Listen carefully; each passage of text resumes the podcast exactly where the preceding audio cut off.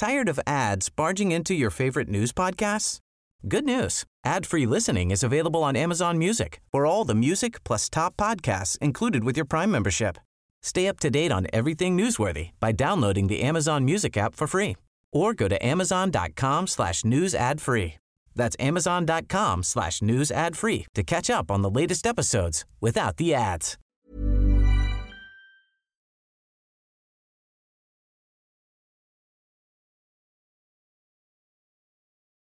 في إحدى الزنزانات التابعة لأحد السجون السابقة في جمهورية ألمانيا الشرقية تم تسجيل هذه المقابلات الخاصة بهذا التقرير. في هذا المكان ولسنوات طويلة تم اعتقال السجناء السياسيين واستجوابهم وإخضاعهم للتعذيب النفسي على يد المخابرات.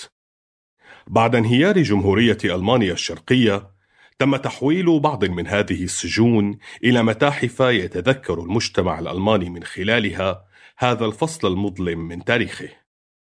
الآن أصبحت هذه السجون أماكن للقاء، حيث يروي السجناء السابقون قصصهم للناس وخاصة للشباب منهم، وكلهم أمل ألا يتكرر ما حدث مرة أخرى. يصف التقرير التالي مشاهد تعذيب مرعة. هذا الوصف قد يتسبب بالألم للمستمعين وخاصة للشباب. كما أنه قد يكون بالنسبة للأشخاص الذين مروا بتجربة التعذيب سابقا امرا مستفزا للعواطف أو سببا لاسترجاع مشاعر مؤلمة من تلك التجارب. لذلك وجب التنويه والحذر. مقاطع من رواية القوقعة بصوت الكاتب مصطفى خليفة.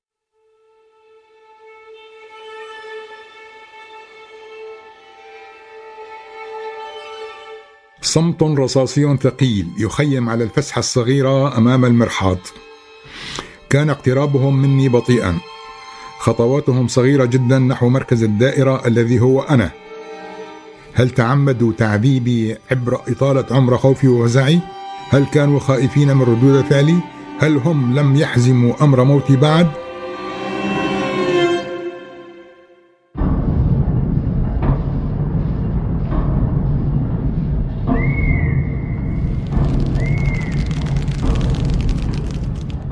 بتوقع يعني في آلة بجوز نحن ما بنعرفها والعلماء ما عرفوها هي آلة صدنايا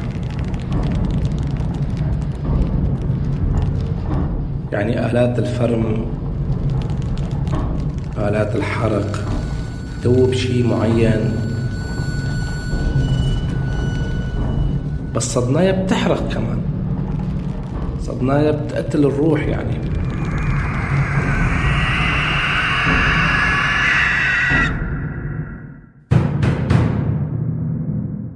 مملكة الصمت. وثائقي إذاعي لفاين جارتنر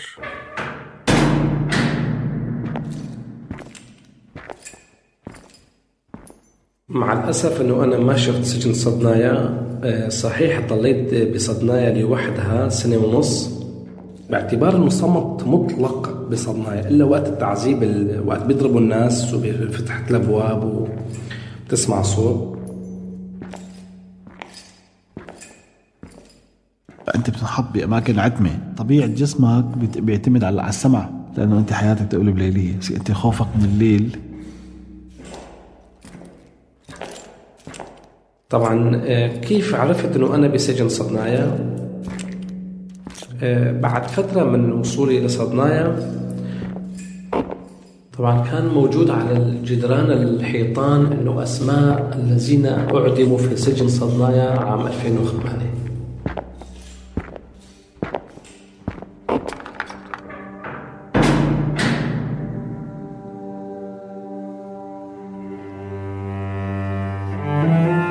جلست وسوزان في كافيتيريا مطار أورلي بباريس. ننتظر إقلاع الطائرة التي ستقلني إلى بلدي حتى ربع الساعة الأخير. هذا. لم تيأس سوزان من محاولة إقناعي بالبقاء في فرنسا. أنا ابن عائلة عربية تدين بالمسيحية والمذهب الكاثوليكي. درست الإخراج السينمائي وتفوقت في دراستي. سوزان أنا أحب بلدي. مدينتي أريد أن أكون مخرجا متميزا. في رأسي الكثير من المشاريع والخطط. وقفنا. شربنا ما تبقى في كؤوسنا من بيرة دفعة واحدة. لمحت مشروع دمعة في عينيها. قبلتها سريعا. لا أطيق هكذا مواقف. حافظ على نفسك. وصعدت الطائرة. اسمي ياسين الحاج صالح كان عمري أقل من عشرين لما اعتقلت. كنت معارض لنظام حافظ الأسد. كان كنت طالب بكلية الطب لما اعتقلت. طلعت من السجن عمري 36 سنة.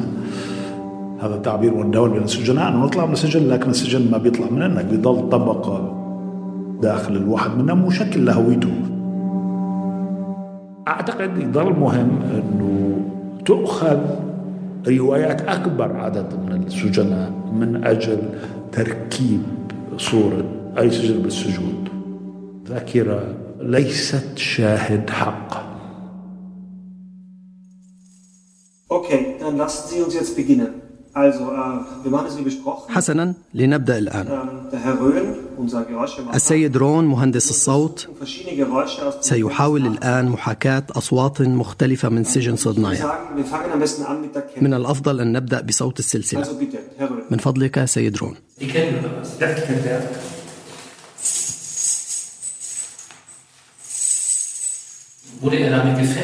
هل تم تقييدك بالسلاسل؟ أي. وكانوا يضربونا على ظهرنا. وبنهاية الجنزير كان في خطاف شنغل. هذا الخطاف كان عم يمزع اللحم تمزيع. عذرا يجب أن نتوقف. وهنا تأتي مجموعة من الزوار. مرحبا بك في هوهنشونهاوزن في النصب التذكاري لضحايا الدكتاتورية الشيوعية في برلين. وهي أيضا مركز الاعتقال المركزي السابق لوزارة أمن الدولة. اسمي لوثر شولتز. كنت سجينا سياسيا سابقا في جمهورية ألمانيا الشرقية. نحن الآن نصل إلى ما نسميه الغواصة. وهو الاسم الذي كنا نطلقه على هذا التجمع من الزنزانات دون نوافذ.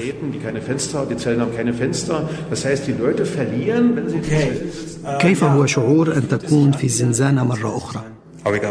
لازم أقول اسمي؟ أكيد. يمكن أن نعطيك اسما آخر. طيب أمجد. اسم واحد مات بالسجن. Cell. التواجد هون بالزنزانة مرة تانية آه، Sorry, just a minute. Of course, it's a horrible. هو أمر مرعب But at the same time, بس بنفس الوقت وجودي هون بيعطيني أمل إنه ممكن يتحول سجني بيوم من الأيام لمتحف مثل هذا المتحف. My name is Amjad, and I'm 30 years old. اسمي أمجد أنا مهندس عمري 30 سنة وأنا من دمشق From one of the oldest cities in the world, Damascus. 17 security branches. وهنيك في 17 فرع Because مخابرات I'm a criminal. اعتقلت باثنين منهم مو لأني مجرم لا لأني شاركت بثورة سلمية. كنت ضايع بهداك الوقت وعم أحاول أدور على عم عم أحاول أدور على حالي وعلى هويتي خاصة الشاب بهداك الوقت بعد ما يحضر فيلم تروي. أهم شيء يفكر فيه إنه قبل ما يموت إنه يترك بصمته بالحياة. الثورة كانت بتمثل إلي الفرصة الحقيقية لحتى يتخلد اسمي بالتاريخ. أنا شبال إبراهيم أعيش في نوردراين فستيفالن منذ آه، خمس سنوات أنا ككردي ناشط ظاهرت آه، ضد نظام الأسد واعتقلت آه، لقرابة سنتين.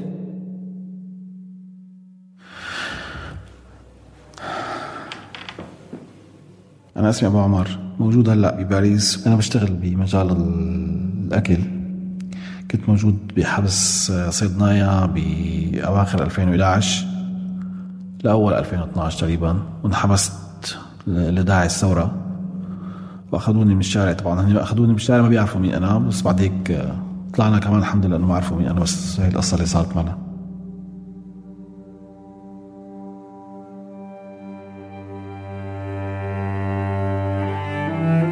وقفت على سلم الطائرة أنظر إلى الأضواء البعيدة أضواء مدينتي إنها لحظة رائعة.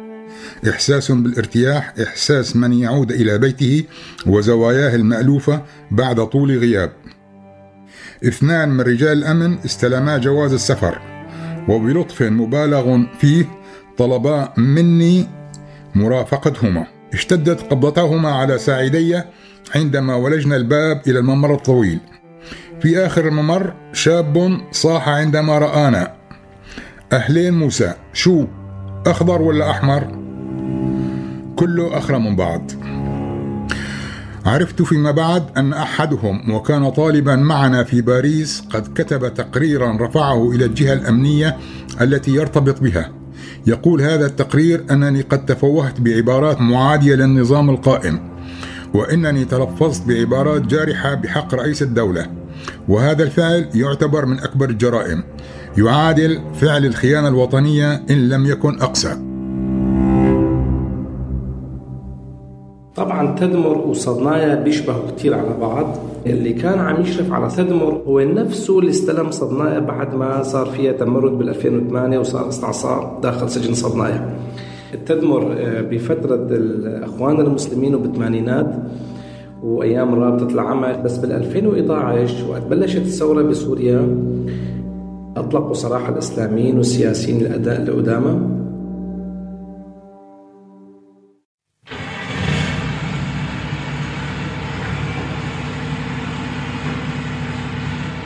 الصوت تقريبا كان مثل هذا الصوت.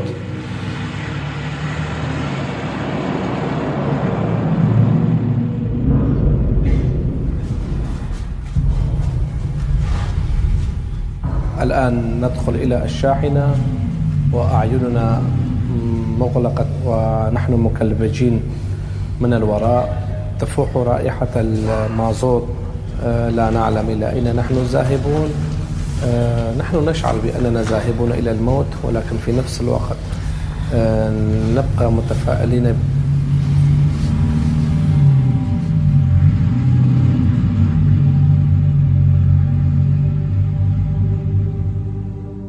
ولك أيوب أيوب؟ نعم سيدي. تعال شوف هذا الزبون. دخلوا على الدولاب يلا بسرعة. سيخ من النار لسع باطن قدمي. الضرب متواصل الصراخ متواصل. أيوب بس استوى ناديلي تجرأت وصرخت. يا سيدي بحكي شو ما بتريد بس قولوا لي شو بدي أحكي. شو أسماء أسرتك ولا بدأت أعد له أسماء أهلي لكنه قاطعني صارخا محتاجا. خراي عليك وعلى أهلك. قل لي أسماء أسرتك بالتنظيم ولا كر. يا سيدي وحياة الرب وحياة الرب ما بعرف شو عم بيصير. شو عم تسألني؟ أي تنظيم هذا اللي عم تحكي عنه؟ أنفاسه لفحت وجهي وبهدوء شديد قال تنظيم المنايك أمثالك تنظيم الإخوان المسلمين. شو ما بتعرف تنظيمك؟ لم أدري هل علي أن أفرح لأن الالتباس بدأ واضحا جليا. أن أدخل فرع المخابرات في اللحظة التي كان يأتي فيها إلى الفرع يوميا مئات المعتقلين من الإخوان المسلمين وأن أحشر بينهم. ولكن رغم ذلك صرخت بس سيدي أنا مسيحي أنا مسيحي. ولكن أعتقد خلال 40 سنة أو 50 سنة من ممارسه التعذيب تعلم أنه كيف يعمل كانديشنينج فهذا شكل من الهندسة الاجتماعية. نعم انتقل الصراع. من بين سوريين تعرضوا للتمييز والوحشية إلى صراع بين السوريين نفسهم. أنتج مقدار لا بأس فيه من التطرف كان مناسب للنظام ليقول أنه ليس له بديل غير المتطرفين الإسلاميين. المحامي أنور البني دافع عن حقوق الإنسان من أكثر من 30 سنة أنا دافعت عن المعتقلين اللي كانوا بسجن صيدنايا يعني بال 1981 بدأ مشروع سجل البناية وأنا كنت مساعد مهندس بالإسكان العسكري ووقتي إجوا على السجن من 92 لل 2001 وأنا بزور سجن صيدنايا لحتى أطلق سراحهم صيدنايا هو شكله شكل إشارة المرسيدس مكون من ثلاث أجنحة كل جناح آه، عشرين غرفة اعتقال يعني مكون من ثلاث طوابق. يعني المخططات هي ألمانية المهاجع تجيها الشمس تجيها هواء في ملاعب في مكتبة في مسجد فكان كسجن جيد إنسانيا يعني. بعد الثورة يعني اسم صيدنايا صار مرتبط بالرعب. جناح بي يلي هو واكيد في مدخل للأبو قسم الإعدام لأنه ممكن تطلع جثث من الأبو بدون ما تمر من المدخل الرئيسي. انحكى كثير هو إنه في فرن لحرق الجثث. ما ما حدا بيقدر يأكد هالمعلومة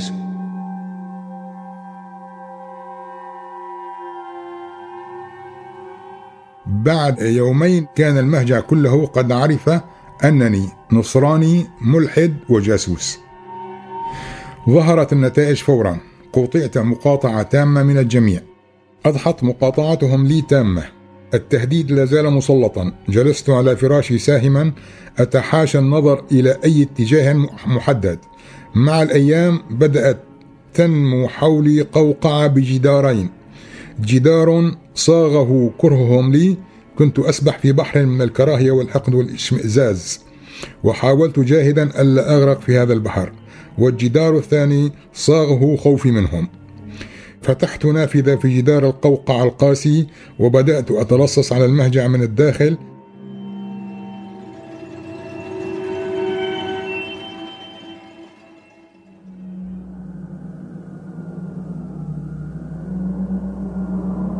قمة يعني منطقة جبال قلمون فدوما كان في رياح شبه عواصف.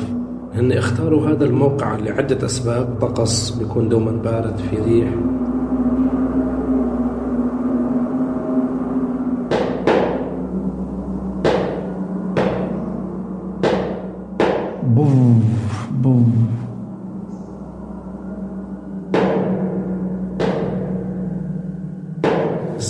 كتير رجعني لليوم الأول.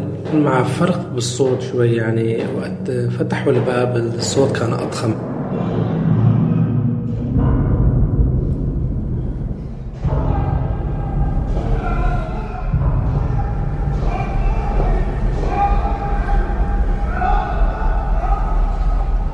الآن آه، يأمرنا السجان بخلع كل اللباس آه، يدنا على العين لعدم رؤيتهم لأنه يمنع علينا رؤية السجان.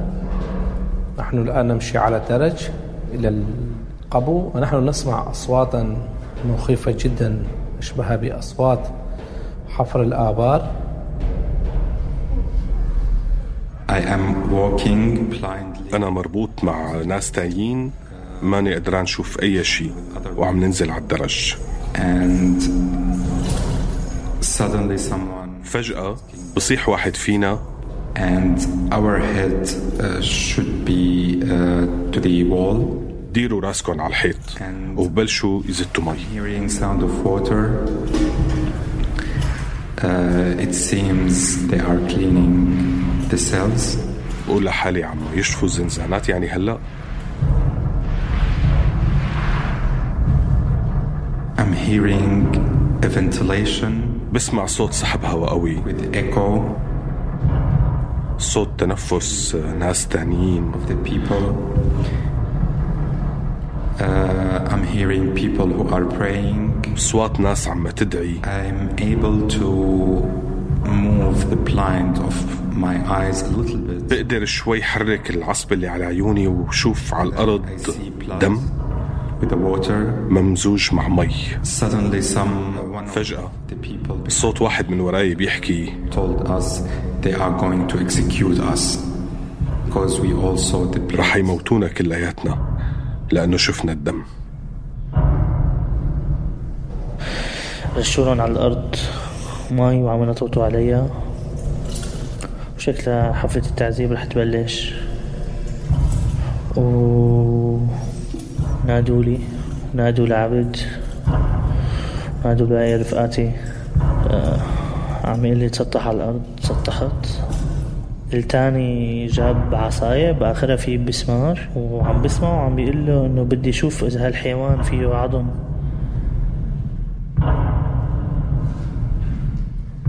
I'm feeling now that حاسس. they are going to execute us. إنهم رح يقدمونا.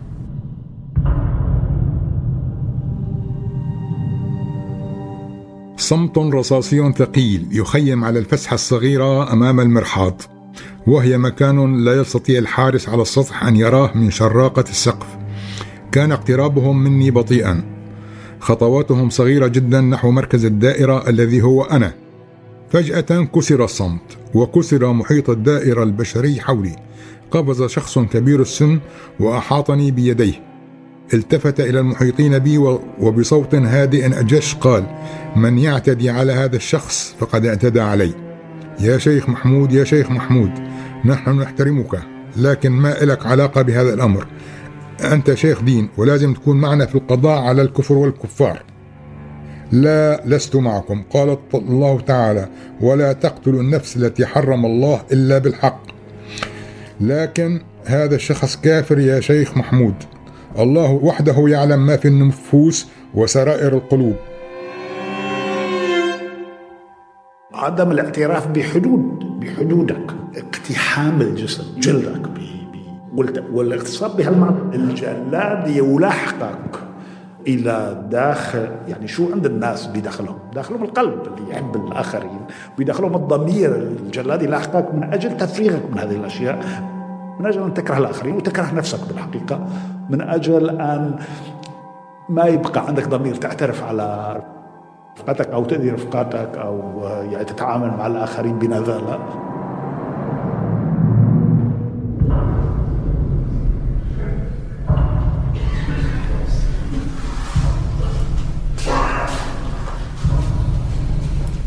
فبيجيك واحد اللي هو مثل النمس يعني بيقعد حدك أنت من وين؟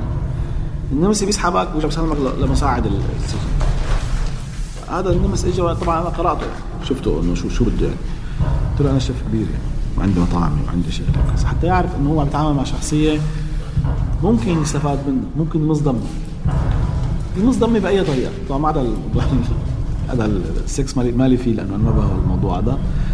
عندهم زيارات وعندهم اتصالات خارجية معهم تليفونات. بيقدروا يعملوا لك اللي بدك يعني مخدرات موجود. دار حديث بيننا واتفقنا. وطلب ايامها إنه بيأخذ على الأسبوع. دغري بالدولار 100 دولار. أنت شو بتشتغل؟ قلت شيف. بصدق بقدر أتحرك بدون كلبشة. أما اللي مسحوب سحب من بيته هدول الناس بتسمع صريخهم هلا بعد شوي. عشان هدول اللي تحت الأرض حبس كبير. كنا نشوف كل شيء. كل شيء. فت على فت على الأفران فتت على الفرامات. بياخذك بيقول لك بتفوت فبتفوت بتلاقي على هذا الطرف من المهجع في حوالي 200 بني آدم. وعظامه عم بتقطع لأنه لأنه الناس ارتكت عليه وهو عم ينام. أنت بينك وبينهم 70 سم هاي الناس عم بتموت. وهذا الطرف فيه هيك مثل دراس معلم. أربع خمس فرشات عليه. طرف المرفهين يعني طرف اللي معهم مصاري.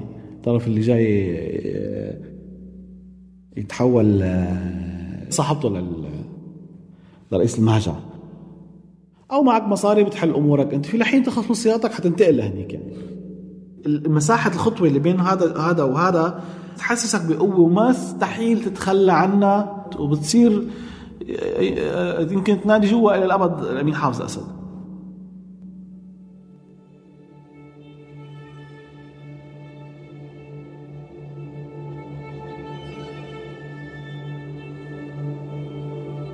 هذه اليوميات كتبت معظمها في السجن الصحراوي وكلمة كتبت في الجملة السابقة ليست دقيقة ففي السجن الصحراوي لا يوجد أقلام ولا أوراق للكتابة.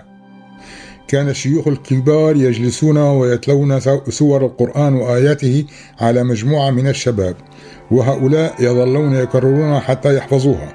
لم يبقى أحد في المهجع إلا وحفظ القرآن. ولاحقا تطور الأمر باتجاه آخر. يتم انتقاء مجموعة من الشباب صغار السن يحفظون ما يمكن تسميته بسجل السجن. أيضا يحفظون الاسم عنوان الأهل تاريخ الإعدام أو القتل. أعجبت بهذه الطريقة وأخذت أدرب نفسي عليها. وقررت كتابة هذه اليوميات. أكتب الجملة ذهنيا أكررها أحفظها. أكتب الثانية أحفظها. في آخر اليوم أكون قد كتبت وحفظت أهم أحداث اليوم. وفي صباح اليوم التالي أتلو كل ما حفظته البارحة. استطعت بالتدريب تحويل الذهن إلى شريط تسجيل. والآن أفرغ بعض محتوى هذا الشريط.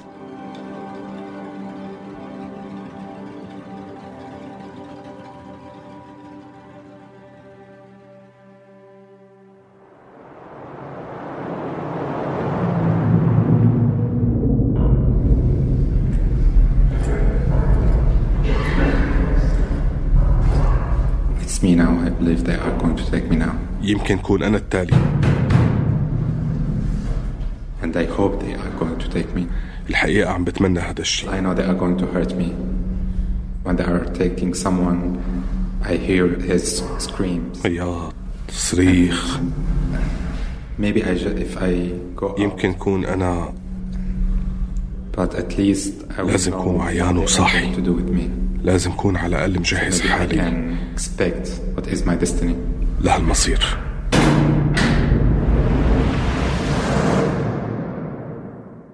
سجان أبو ال 185 كبل بيشوف واحد مثلا قاعد على قعده طبيعية أو كذا بتطالع إيديك من الشباك للطاقة يعني من الطاقه الشباك هي عبارة تقريبا إنه 15 سنتيمتر ب 15 سنتيمتر.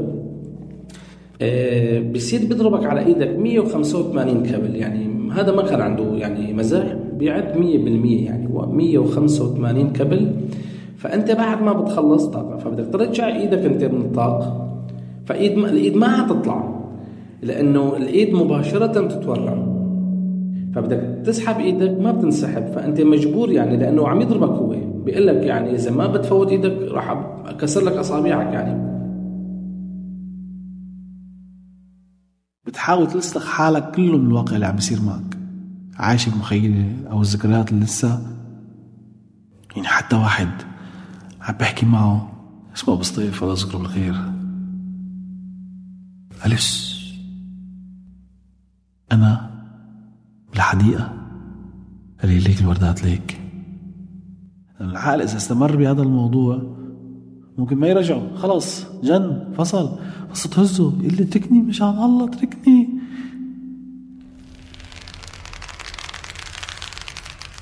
They are hanging people from their hands. كانوا يعلقوا المعتقلين من ايديهم Definitely broken.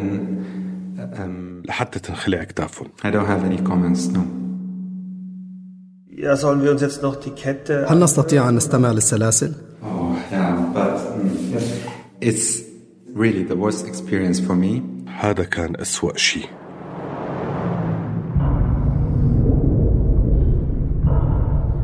They هي كانت أسوأ تجربة بالنسبة لي. خلوني أقعد على ركبي شالوا لي العصب عن عيوني وقدامي كان موجود معتقلين مشلحينهم ورابطينهم عم. يضربوهم بالكرباج الكرباج اللي كان بنهايته في خطاف كان في شنقل كل ما يضربوهم. كان يشلع اللحم كنت عم أشوف اللحم عم يطير من على جسمهم They forced me to open. حاولت إني غمض عيوني They are torturing me through وجهي. these two people. بس هن They اجبروني إني أشوف. كانوا عم يبتزوني من خلالهم. قالوا لي إذا ما بتحكي رح نقتلهم. رح نخلص عليهم. كل ما كانوا يضربوهم بالكرباج the scream it was no one can simulate تسمع صوت صريخهم. هذا الصوت اللي ما ممكن الواحد ابدا يقدر يتخيله. هدول مانن numbers. هدول ناس عندهم حياة وعندهم عيال. عندهم أرواح Okay, ja. Ähm, ونسمع الآن? أصوات السلاسل. فينا نسمع بس ما عاد عندي أي كلام أحكي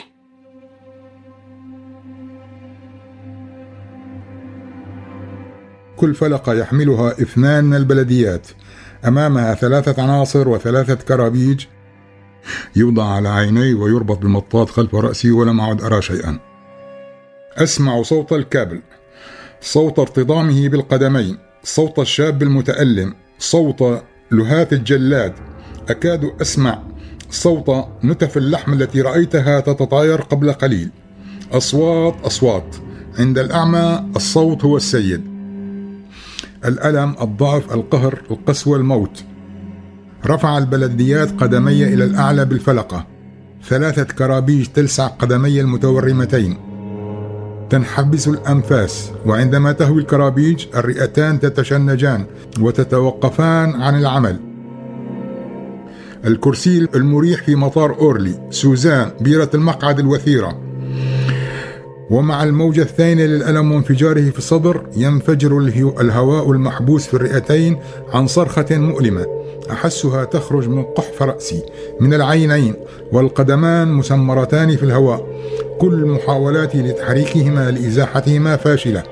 تنفصلان عني. مصدر للألم فقط. سلك يصل بينهما وبين أسفل البطن والصدر.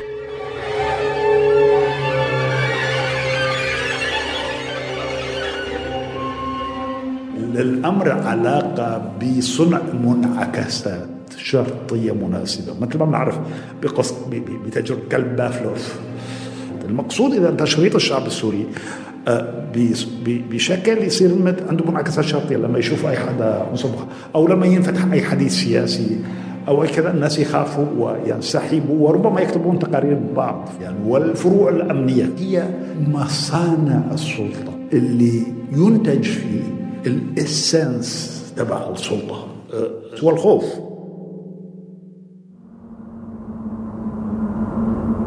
آه، صوت الرياح فعلا كان صوت مزعج ومخيف إنه بدك تضلك بالزلط وقت النوم بس بدي أقول لك البس ثيابك ونام. بالأيام الأولانية مستحيل تنام. يعني هذا عم ينظر لك إنه أنت عايش بنعيم. يوم اثنين ثلاثة هذا الإحساس بصير عندك ولا كأنه شايف حدا. بصير عندك خيار هن بيخلوك تشوف هذا الخيار. يا بدك تشوف الجنة يا أما النار. تعرف إنه رب العالمين بيقول لك يعني يوم يتخلى المرء عن بنيه وصاحبته يعني بتخلى عن كل شيء أنت مستعد تتخلى عن كل شيء. تسقط كل الأعراف ما ما عاد ما عاد في شيء. أنت قاعد ب بقوقع السجناء بال 2008 وقت صارت المشكلة صاروا يحفروا بالجدران الإسمنتية. الاداره وضعت أمام الجدار الإسمنتي فولاذ. مشان هيك صار الأصوات ترتد على الفولاذ فكانت تساوي صدى شديد. طبعا مملكة صمت جاي من معتقلين ومن اللي مروا بالسجن يعني بجوز عندك عشرة آلاف معتقل. إذا السجان بيمشي الكل بيسمع صوته. فمملكة صمت ما يعني ما بيحدث. حتى لو أنت بتجيب عشرة آلاف نملة بتحطهم بالغرفة راح يطلع صوتهم إلا يعني صدنايا يعني لو أنت بتخربش على الحيط الكل بيسمع. لو أنت بتغط... يعني بتعطس الكل بيسمع. إذا الواحد شخر الكل بيسمع. شغلك شو كان؟ كم ولد عندك؟ شو بتحب بالحياة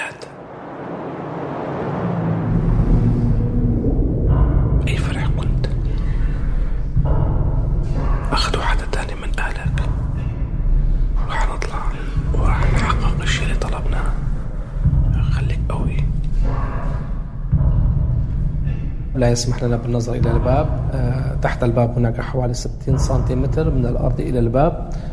في حال قدوم السجان ننظر إليه ونلتف إلى الحائط. فكنا نشوف بس بواط اللي لابسينهم مثلا واحد دوما كان لابس خفافة أديداس. كنا نقول له أبو خفافة أديداس. واحد كان لابس أندرة حمراء دوما يعني بين الحمراء والعسلي. كنا نقول له أبو الأندرة الحمراء. والصوت طبعا بنعرفهم تماما يعني بعد بتوقع بعد 100 سنة ما فيني أنسى الصوت أصواتهم.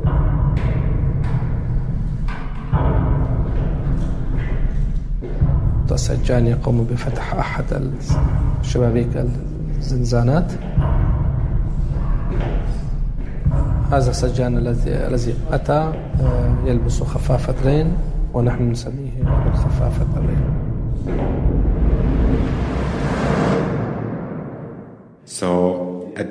أول شيء بنسمعه صوات الخطوات بعدين بخبطوا على الباب مشان نبرم وجوهنا على الحيط. بيفتحوا الباب. بحطوا لنا أصعاد الأكل. كلما يدخلوا هذا الأكل يقوم برفسها ويقوم بالدعس عليها وإننا من كسة الجوع نأكل كل شيء. قد لا يشبع العصفور من الوجبة. Warum dürft ihr sie nicht sehen? لماذا لا يسمحون لكم أن تروهم؟ Maybe they, they are afraid if we will meet them in the street after يمكن بخافوا إنه يوما ما نلتقى فيهم بالشارع. بخافوا إنه ننتقم. يمكن هن بيخافوا مننا كمان. السجانين بشوفوا الموضوع على إنه معركة وجود. لازم هن يحطمونا قبل ما نحن نحطمهم. وعلى ما يبدو إنه هذا الشيء صحيح بالنسبة لي.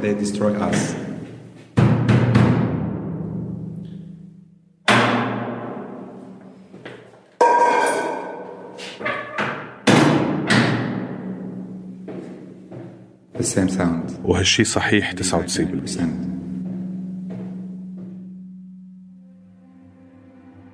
فيما نحن نسير ندور امتدت يد غليظة وجرتني خارج الرتل. اليد الأخرى أمسكت فكي السفلي ورفعت رأسي إلى الأعلى بعنف. ارفع راسك ولا كلب. افتح تمك لشوف. تنخم ثلاث مرات.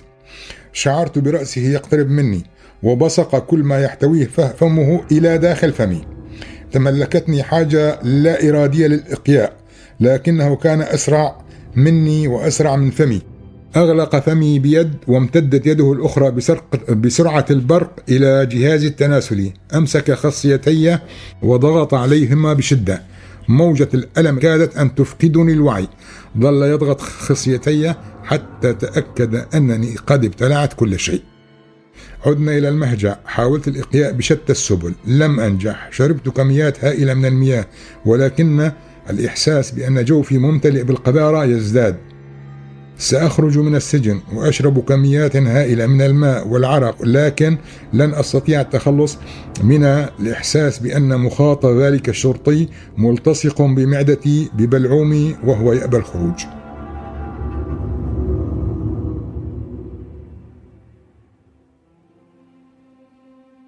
آخر المعلومات أنه في عندنا مئة ألف شخص مختفين يعني ناس اعتقلوا ولا نعرف مصيرهم. ثم يعني في مستوى آخر هو تعذيب المجتمع بالمجازر أو بالقصف أو بالبراميل المتفجرة أو بالمنزلات الكيماوية أو بالحصار. هذا تعذيب للمجتمع. هو 600 أو 700 ألف ضحية اليوم. التعذيب بهالمعنى هو منهج حكم هو شكل من أشياء هو نظام حكم. التعذيب هو نظام حكم.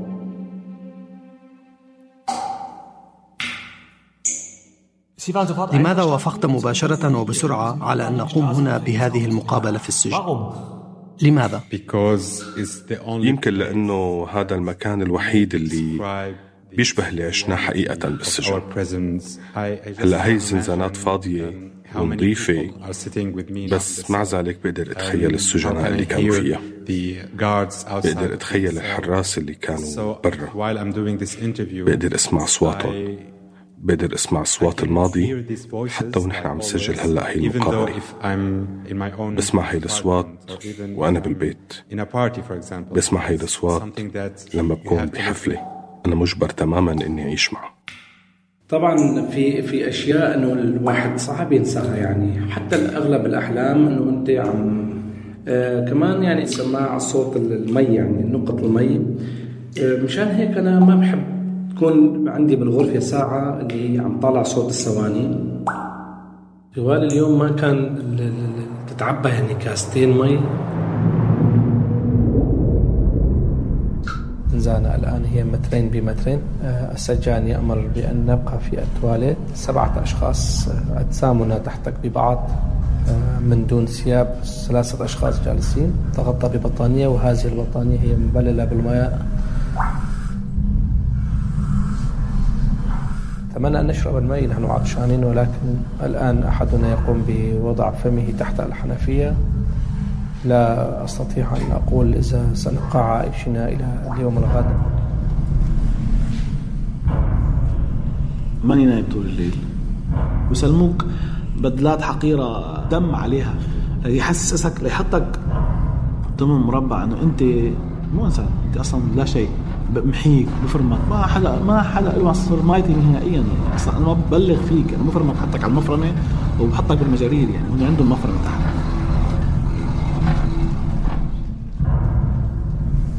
ساعات النوم لا تزيد عن ثلاثة أو أربع ساعات في اليوم بعد نهار طويل وشاق قبل كل قبل أن أنام دائما أتحدث مع زوجتي ومع أولادي. أتحدث معهم أقول لهم كيف حالكم؟ هل أنتم بخير؟ هل أستطيع رؤيتكم مرة ثانية؟ أم القدر سيكون بيننا إلى لا نهاية؟ ليت هذا العصفور الذي يزخرف في الخارج يعطيكم خبرا عني. أعلم أنكم تبحثون عني. هذا الظرف الأصعب الذي يمر علي أصعب من العقوبات الجسدية والتعذيب. فكان يعتبر نحن وحش الليل لما يجي كان كان الموت أكثر والبشاعة أكثر بالليل. لأن السجان لما بيجي بالليل وحش. أنا نايم هلأ بالليل في واحد مقابلي فز عم يمسك لي رجلي وعم ي... مشان الله مشان الله لا تخلي ياخذوني ضفيره معلقة بكعب رجلي من فوق ماسكهم هيك وعم يشد فيني. وذاك يسحبه ويشحطه هيك. شحطه خبطه على الأرض. خبط على الأرض. لحد الآن إذا فيق بالليل بحس حالي عم عم يشدني من رجلي.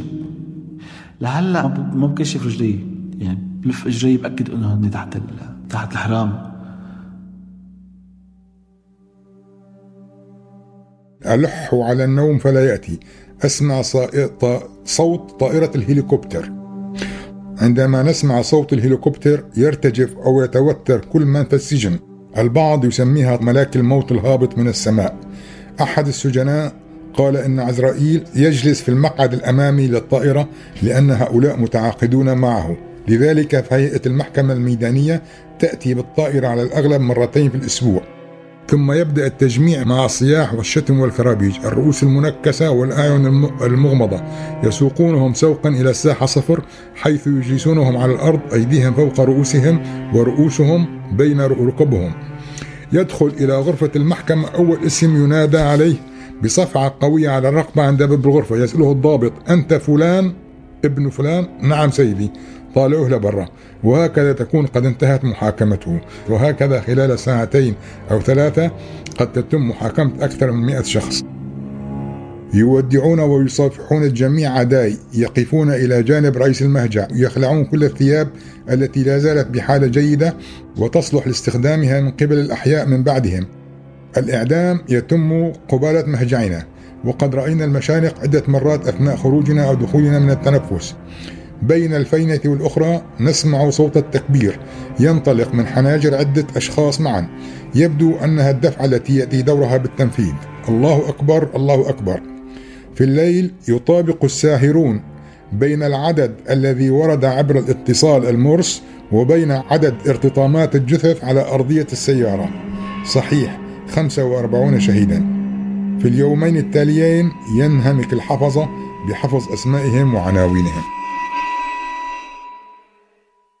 الفكرة التعذيب شلون؟ بيحطوا كل شيء بيصير طعميك بس خضار ومرقة. لحالك انت تلقائيا صارت قناة معدتك تجففها وترجع تعطيها مي فبصير بقى بدها تكب كل شيء مهجع فيه 150 بني آدم هيك والكل يسهل فوضى ويخرب اواعي وعلى رفيقه. والناس تموت من الخرا. أنظمة أكل فظيعة. وأنظمة الكتام على الافظع يصير معك كتام الكتام بتلاقي أب وشه وتروح تاخذ الأكل ونظام الأكل هذا اللي قدام الشباك لتقتل فيه العالم. أنا واقف قدامه معي البلو ما واقف قدامه قل شيء من الدفع لأنه هو مد إيده مد مد مد مد بده يسحب الأكل.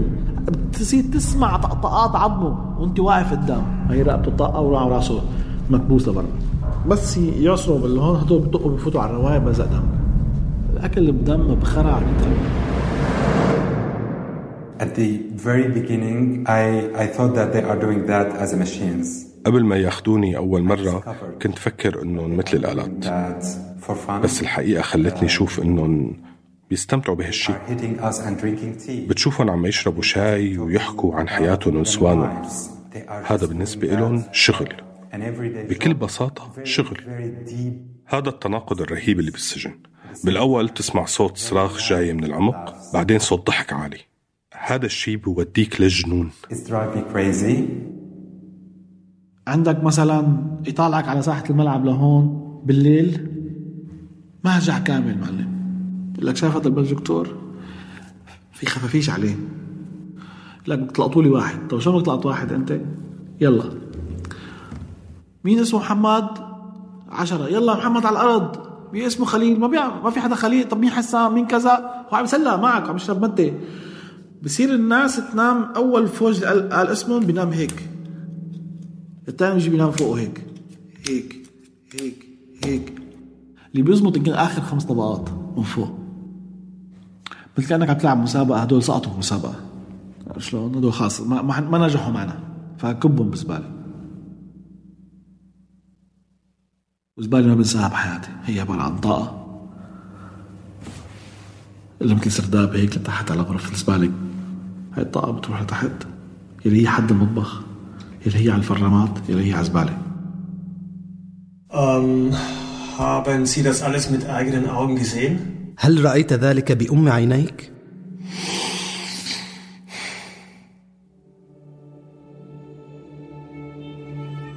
الفدائيون مجموعة من الشباب الأقوياء ذوي الأجساد المتينة تطوعوا من تلقاء أنفسهم للقيام بالمهام الخطرة مثل إدخال الطعام إلى المهجع أو إذا تم تعليم أحد المرضى أو الشيوخ من قبل الحراس فإن أحد الفدائيين ينوب عن هذا المريض في تلقي الخمسمائة جلدة. سمعت أحد الفدائيين يقول إلى زميله نحن مشروع شهادة. وقد أنقذت الفرق الفدائية حياة الكثيرين وعملهم يتسم بالإخلاص والاندفاع الشديدين النابعين عن إيمان عميق. اللهم إنك قادر على كل شيء باسمك الجليل ابني شهاده وخذني إلى جنتك حيث النبيون والأخيار. كانت تجربتهم بالسجون هي الأقصى هم الإسلاميين بالحقيقة. هذا أدى لي يعني للتطرف وتغذية النزعات العدمية عند كثير من الإسلاميين. حين يعامل إنسان بطريقة كأنه حيوان يعني يتصرف فيما بعد كأنه حيوان فعلا يعني كأنه حيوان كاسر. إجا واحد لابس بوت ترين كتير سمين. كف أنا يمكن طرت هلا حاسس راسي عم عم يطم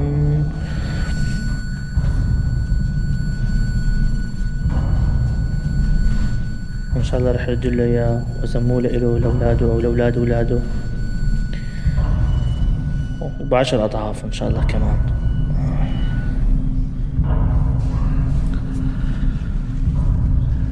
إذا عرفوا واحد معلم كان خريج شريعه غصبا عنه ربطوا لك على الطاوله ومو هون بيغتصبوه أول شيء رفقاته اللي معه. عندك تقديح بالفك الكهرباء على على الركب عشان ما تمشي بحياتك. هدول الجهاديين هو كان أدواته. كان يبعثهم على العراق ليقاتلوا أمريكا بالعراق. اللي ما يموت من هنيك ويرجع يكمشوا ويحطوه بالسجن. بصيدنايا كانوا هدول الجهاديين يعني. وهن ساووا المشكلة ب 2008 و... وما ما قتلهم يعني. قتلوا كثير شرطة وجيش. وقت اللي ثورة قامت. هو عاد استعمال هالأدوات وبعتهم على الثورة لحتى يخربوا الثورة السورية الديمقراطية يخربوها ويحولوها للعنف.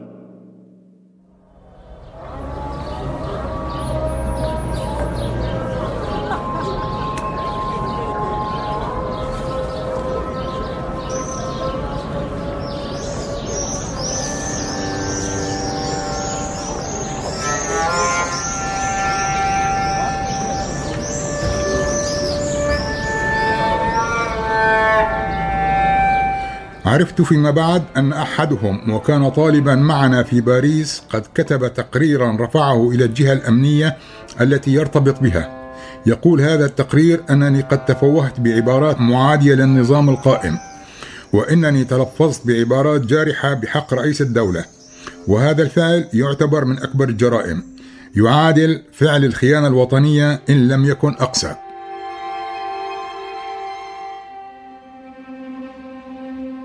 صيدنايا وتدمر قبل قبل هي اللي كانت الرعب اللي خلى السوريين يسكتوا ويشعروا حالهم أشياء حقيقة. ما قدرت بالآخر تقتل روح الإنسان السوري. قبل قليل آه، دخل اسجان إلينا وقام بالضرب آه، على الجسم بالكبل. ضحكنا ضحكة قوية و آه، يسعدني هذا الشيء لأننا اتفقنا و وأن هذا السجان الجبان هو الذي من يخاف لكي آه، نخرج يوما ونكون على صحتنا آه، أن لا نكون مجانين وكيف أطلقوا سراحك؟ هذا الضابط المسؤول عن السجن فأنا أطبخ له آخر شيء فسأل قال لي شو بتشتغل؟ قلت له أنا عندي مطعم بالشمس سنتك بتطلع نفتح شغل أنا وياك؟ قلت له إيه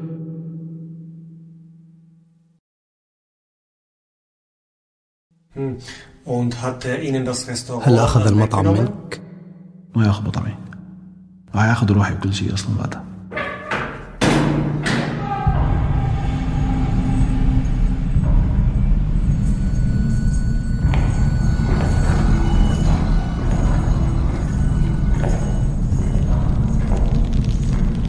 يعني أنا عندي أنا عندي ثلاث أولاد وجدي بنت جديدة. لما بعصب من أولادي آه ما بعرف بدي أقولها يعني أولادي ولا؟ بس بحكي بضربه بضربه ضرب مو ضرب أب. يعني مثلا ابني مثلا بيكون نط عن المسبح ما ليش ما بتنط؟ كذا بعصب عليه بس هو ما أنا ما لازم أعصب عليه. هو طبيعي إنه يخاف أنا طبيعي اني ما يعني أنا صرت ما أخاف. يعني أنا برجع بقعد مع حالي بكرز انه انه شو في؟ يعني هذا الشيء اللي خلق فيني بقول لك وحش. لا مو وحش بس وحش كابت هو إيه أنا ما ما بتفرق معي يعني. الموضوع ما ما عندك إحساس تحس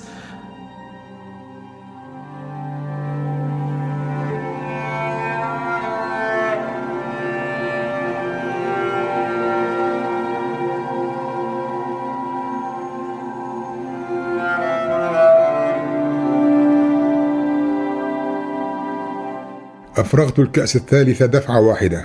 عندها لاحظت أن لينا تهم بالكلام. رفعت يدي. أسكتها. رفضت وأفهمتني إنها لن تذهب لماذا أدفن نفسي في الحياة هكذا؟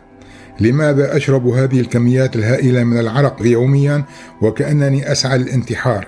لماذا ولماذا؟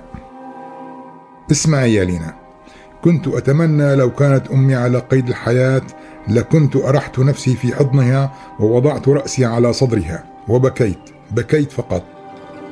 اليوم يا لينا انتحر صديقي وتوأم روحي. لم أبكي لم أحزن. وأنا يا لينا أحمل مقبرة كبيرة داخلي. تفتح هذه القبور أبوابها ليلا. ينظر إلي نزلاؤها يحادثونني ويعاتبونني. أشرب العرق يوميا يا لينا لكي أنام.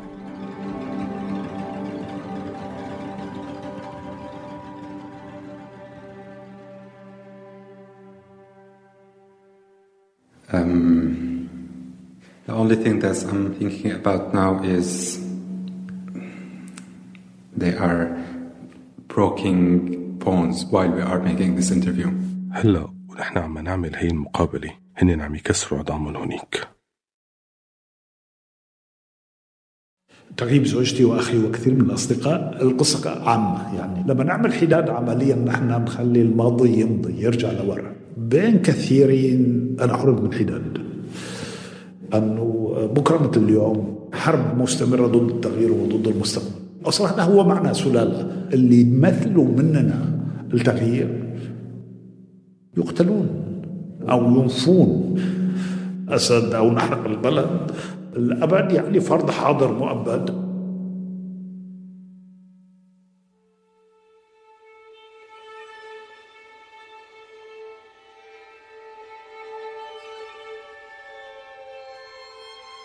صمت قليلا التفت إلي لأول مرة تلتقي عينانا عيناه حمراوان. بحدة وتشنج واضحين قال بدي أشكل عصابة عصابة مجرمين.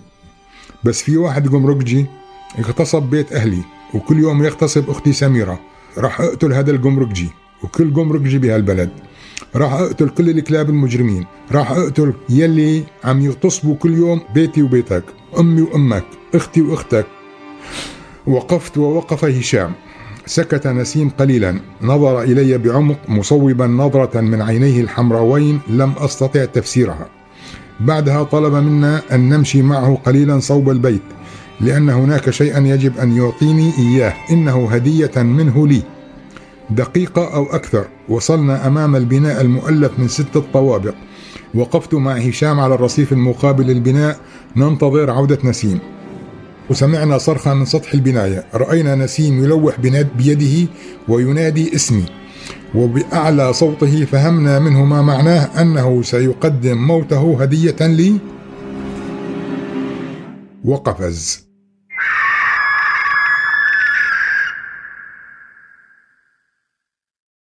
في الأساطير العربية القديمة في أسطورة تقول إنه لمن يقتل يخرج من جسمه آه، طائر اسمه الصدى هذا الطائر يعني يستمر في الزعيق في الصراخ آه، ولا يشرب أعتقد أيضا إلى أن يؤخذ بالثأر. فإذا تخيلنا اليوم أنه في يعني آه هذا هو الوضع بسوريا الشيء الوحيد اللي ممكن يقطع هذا الصراخ الرهيب والعطش المستمر وطلب الثأر هو تحقيق العدالة السورية نحن معلوماتنا الأعداد تفوق 25 ألف شخص تم إعدامهم بسيدنايا الآن سيدنايا بدأ آه، يفضى وعم. يدفن جثث أو يحرقها. رياض الترك.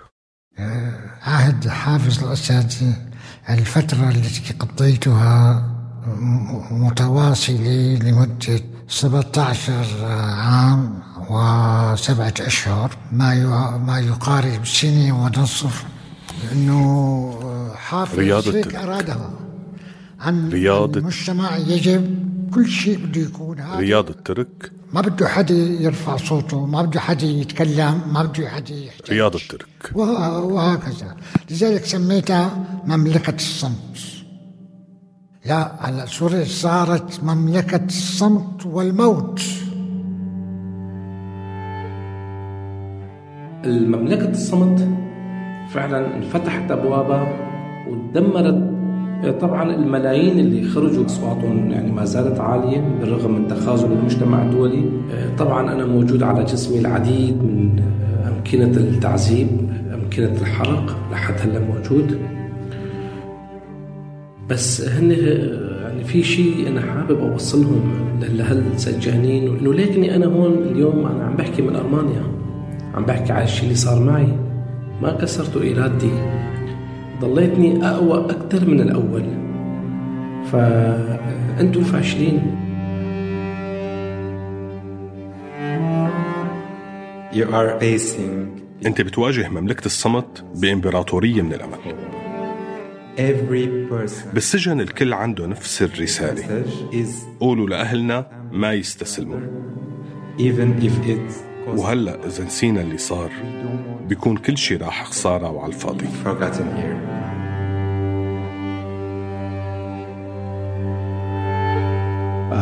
بقرر أحكي هلا بحاول أوصل أصوات موجودة جوا. واحكي عن اللي عم بيصير وكل واحد كان يوصل الثاني إنه أمانة بس تطلع. قول قول شو عم تشوف جوا. كان الموضوع إلي كسر إحساسي وكسر قلبي وكسر ضميري عندي. عم بحاول أرجع أحس بحالي من جديد يعني أحس بإنه باللي أنا بشعوري بي. شكرا لكم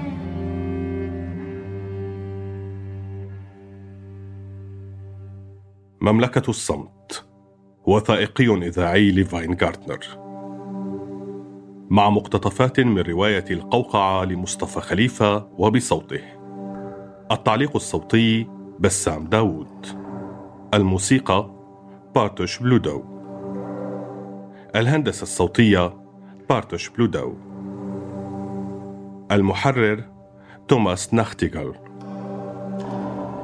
You know, I believe the human existence is just like a mix of أنا مؤمن إنه في شيء واحد مشترك بين كل البشر.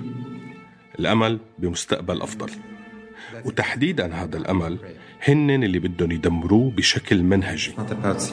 لهالسبب الموضوع ما بيتعلق بس بسوريا. وإنما بالإنسانية اللي بتجمعنا كلياتنا. إذا ما قدرنا ننقذ هذا الشيء بنكون عم نبعث رسالة واضحة للأجيال القادمة إنه ما تقاوموا ما تصمدوا لأنه ما حدا مهتم بأحلامكم أو مستقبلكم.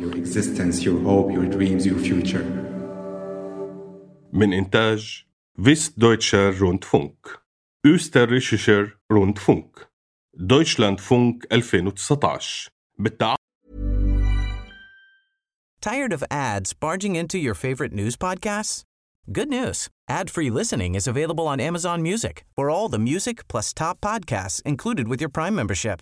Stay up to date on everything newsworthy by downloading the Amazon Music app for free or go to amazon.com slash news ad free. That's amazon.com slash news ad free to catch up on the latest episodes without the ads.